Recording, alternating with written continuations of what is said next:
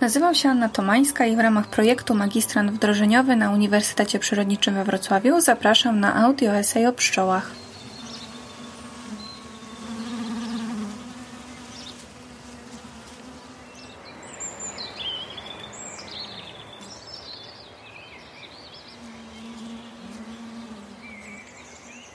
W ubiegłym wieku stwierdzono, że zwierzęce ugrupowania funkcjonują na zasadach ustrojowych. Niektóre z owadów wypełniają swoje role w rodzinach i gromadach w sposób bezkompromisowy i ostentacyjny. Są takie, które cechują się chytrością, konkurują i oszukują, zdradzają i ignorują. Mimo, że odnajdziemy przykłady zwierząt, które zdolne są do współczucia i płaczą po stracie bliskich, a nawet urządzają im ceremoniały pochówku, to znajdą się i takie, które w dosłownym znaczeniu wykopią kolegę z gniazda. Tak wredne potrafią być pszczoły. Wyrzucają one z ula niepotrzebne trutnie. Przez to utrwaliło się mówić ty trutniu do człowieka, którego określa się mianem lenia, bumelanta czy zwyczajnie idioty. Ale w rodzinie mamy też bardziej pozytywne role. Królową, robotnicę, zbieraczki, potomstwo w stadiach larwalnych. Wszystkie te osobniki tworzą rodzinę.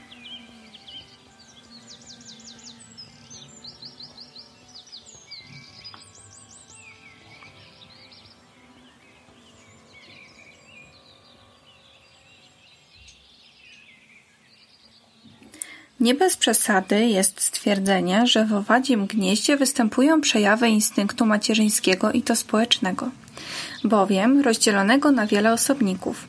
Stąd też może pochodzić samo określenie rodzina pszczela, podczas gdy u mrówek mówi się o zbiorowości w charakterze państwa. W rodzinie zwierzęcej potomstwo spajają i stanowi najważniejszą jej część.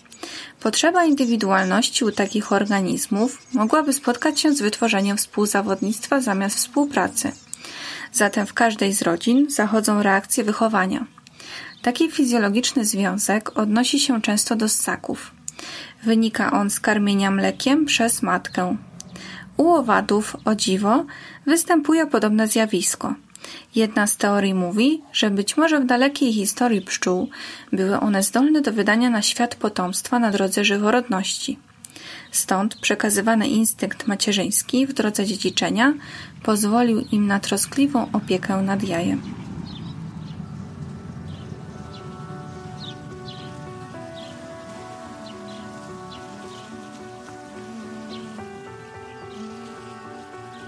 Odwłoku pszczół jest krańcowym członem ciała, w którym ostatnie segmenty modyfikują się do narządów rozrodczych lub otworu wydalniczego.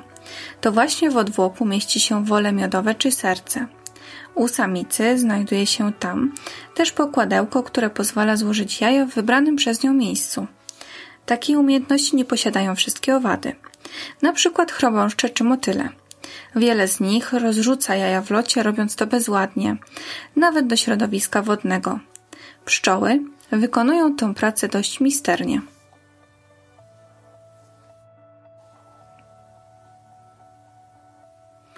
U samców budowa aparatu kopulacyjnego pozwala na przypisanie owada do określonego gatunku. Samice pszczół, w zależności od pełnionej w gnieździe funkcji, mają w różnym stopniu rozwinięty układ rozrodczy. Najwięcej rurek jajnikowych, struktur budujących jajnik, posiada matka. U robotnic są one znacznie uwstecznione. Dochodzi u nich do niedorozwoju worka kopulacyjnego i zbiornika na nasienie. W osieroconej rodzinie trutówki nie mogą zostać unasiennione i składają niezapłodnione jaja. Jeśli larwę robotnicy odkarmi się tak jak larwę mateczną, to otrzyma się matkę ratunkową, co wykorzystuje się w hodowli matek. Choć życie pszczoły jest krótkie z ludzkiego punktu widzenia, to wewnątrz rodzinnego ustroju osobniki dystyngują między sobą starszyznę, odróżniając ją od młodzieży. Z tego podziału wynikają pełnione specjalistyczne funkcje. Starsze pszczoły są zdolne do wylatywania z gniazda i zbioru pożytków, zaś młode skupiają się na odbieraniu przyniesionego przez zbieraczki pyłku i zajmują się wykarmianiem larw oraz procesem budowy komórek.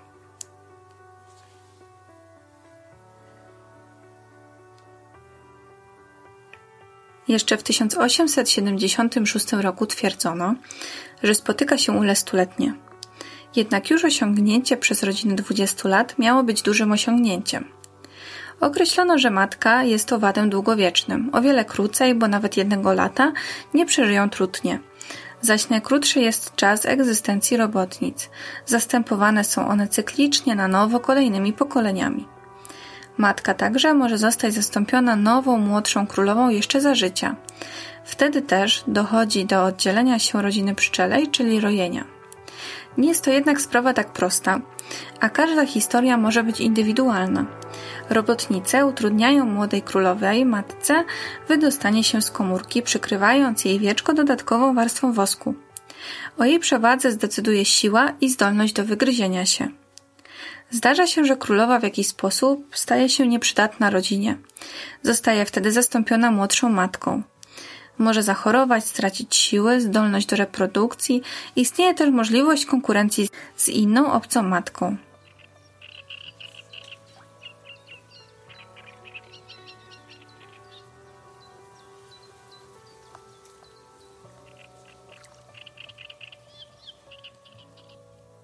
Fizjologii życia rodziny określono, że na przyszłą królową obecna matka składa niewiele, bo dwa-trzy jaja w całym ulu.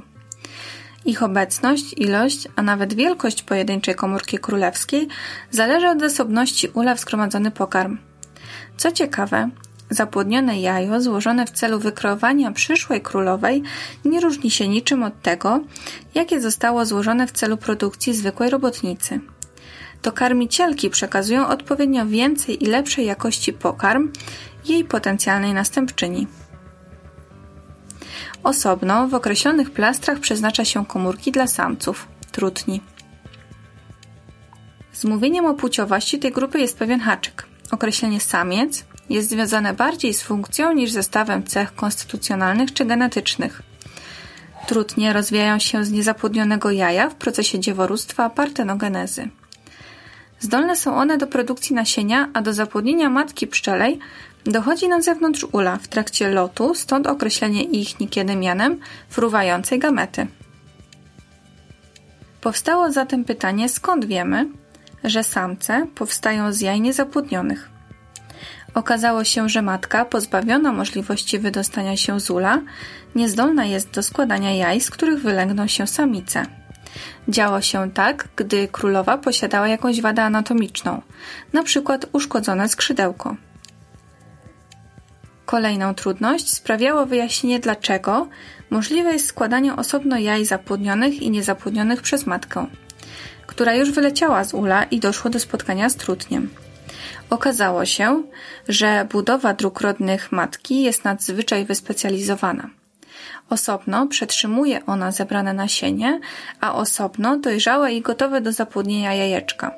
Odbywa się to za sprawą przystosowanych ku temu mięśni, które mogą zamykać otwór dla nasienia, podczas gdy samica planuje złożyć niezapłodnione jaja do komórek. I to z nich wygryzą się samce.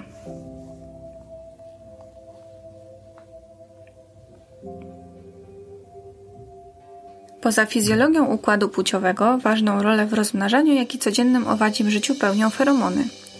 Zapewniają one chemiczną komunikację pomiędzy osobnikami, która to została zaobserwowana już w 1609 roku. Gdy pszczoła staje się agresywna, to wydziela zwiększoną ilość substancji pobudzającą inne osobniki do atakowania. Substancje te są wydzielane przez selektywne komórki gruczołowe nabłonka, a substratem do ich przygotowania są w dużej mierze rośliny. W zależności od struktury chemicznej cząsteczki pochodzenia botanicznego, jej lotność będzie zróżnicowana. Matka wykorzystuje feromony i inne wydzielane przez siebie substancje na wiele sposobów. Zapewniają one trwałość relacji społecznych. Robotnice otaczają matkę i stale zlizują pozostawiane przez nią wydzieliny feromonowe z plastra, a te hamują w sposób ciągły ich czynność jajników.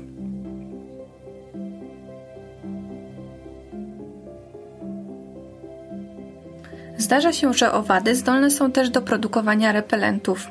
Te wytwarzane są przez niektóre rośliny, stanowiąc skuteczną linię obrony przeciwko samym owadom, ale nie tylko. Feromony działają jak zewnętrzne hormony. Ich skuteczność zależy od swoistego połączenia z receptorem. Receptory te są zlokalizowane na czułkach lub zakończeniach szczuciowych włosków. Zaabsorbowana tak substancja może być przekazywana do hemolimfy. To nie jest jednak charakterystyczne dla całej grupy polskich pszczół. Aż 90% z nich wiedzie tryb życia samotny poza kopulacją. Określa się je wspólnym mianem pszczół samotnic.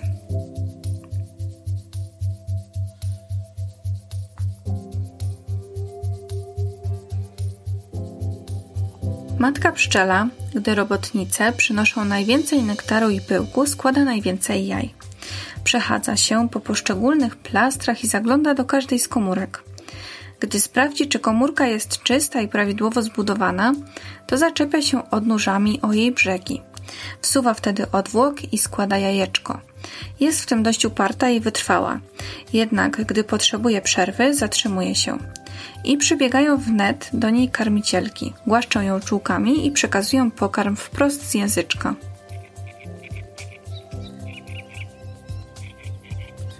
Matka podchodzi do składania jaj dość rozsądnie. Nie jest to działanie tylko mechanicznego umieszczania jaja w woskowym otworze.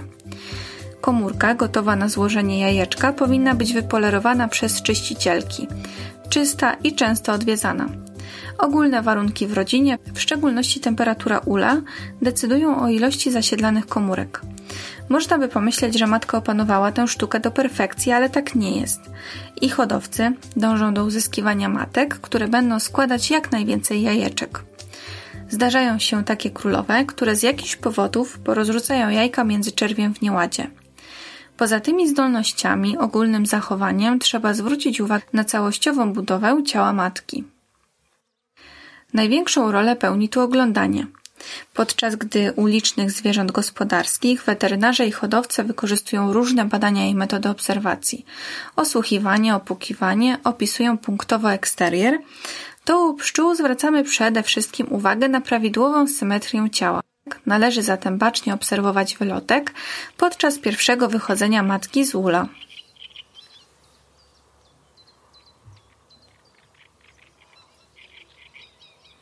Komórki trutowe znacznie różnią się od tych, z których wygrodzą się robotnice. Małe larwy, które wkrótce wylegną się z jajeczek, określa się zbiorczo czerwiem. Intensywne żywienie matki, która leży jeszcze w mateczniku, komórce na kształt miseczki, która zwykle położona jest na brzegu plastra, wymaga od pszczół stopniowego jej powiększania. Zdrowa, silna i młoda królowa wygryza się od góry komórki matecznej, odcinając okrągłe wieczko. Jeśli zaś jej rozwój był niepomyślny, rodzina jej nie zaakceptowała lub zwyczajnie zarządliła ją konkurentka, to otwór ten będzie znajdował się na boku. Młoda matka jest nieco jaśniejsza i mniejsza, pokryta delikatnym puszkiem. Są to cechy, po których można ją rozpoznać. Wylatuje ona ze swojej rodziny i wnikliwie analizuje, oblatując z każdej strony ul. Wie dokładnie, który z nich stanowi jej królestwo i jak go zlokalizować w okolicy. Pierwszy jej lot jest lotem orientacyjnym, przegrą. Nie należy więc przestawiać w tym okresie ula. Matka wylatuje, aby spotkać w środowisku trutnia. Jej unasiennienie będzie gwarancją zdolności do czerwienia już do końca życia. Taki lot godowy odbywa się w miejscu zwanym trutowiskiem.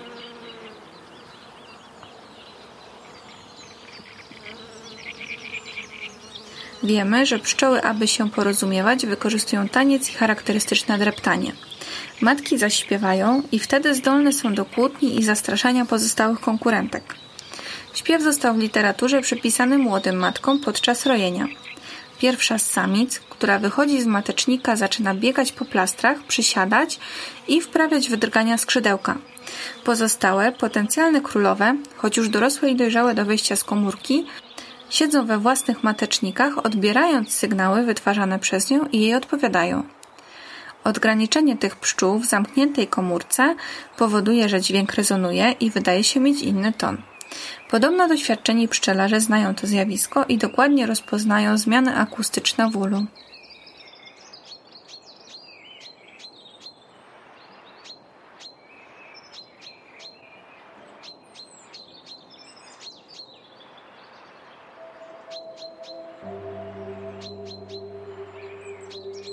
Cykl życia rodziny powtarza się, by w końcu na zimę wyrzucić z gniazda zbędne trutnie. Jeśli z jakiegoś powodu robotnice nie wykonają tego zadania, to jest to niepokojącym sygnałem, że matka zginęła. Pszczelarz sprawdza zatem, co dzieje się w rodzinie, zaglądając do ula. Rojenie jest jednym z ważniejszych obserwowanych zachowań pszczół w pasiece. Podziałem kolonii macierzystej na kolonie potomne. Po wychowaniu przez rodzinę trutni, złożeniu przez matkę jajeczek do mateczników, zaczyna w gnieździe robić się o wiele spokojniej. Spada produkcja wosku, atmosfera staje się mniej nerwowa. Wtedy pszczoły zaczynają masowo wraz z matką opuszczać ul. Część pszczół jednak w nim pozostaje, a ich ul nazywa się wówczas macierzakiem. Większość zaś poszukuje nowego miejsca do zasiedlenia. Przemieszczające się chmary owadów przysiadają na niektórych przedmiotach czy gałęziach. Podczas gdy rój zajął określone miejsce w okolicy ula, rozpoczyna się poszukiwanie nowego miejsca gniazdowania. W tym celu od niego odłączają się pszczoły wywiadowczynie. I to one znajdują nowe miejsce do zasiedlenia. A zdarza się, że miejscem tym jest już zasiedlony ul przez inne pszczoły. I to bywa powodem konfliktu. Dzieje się tak głównie w przypadku pierwaków i drużaków. Pozostałe z nich odlatują daleko.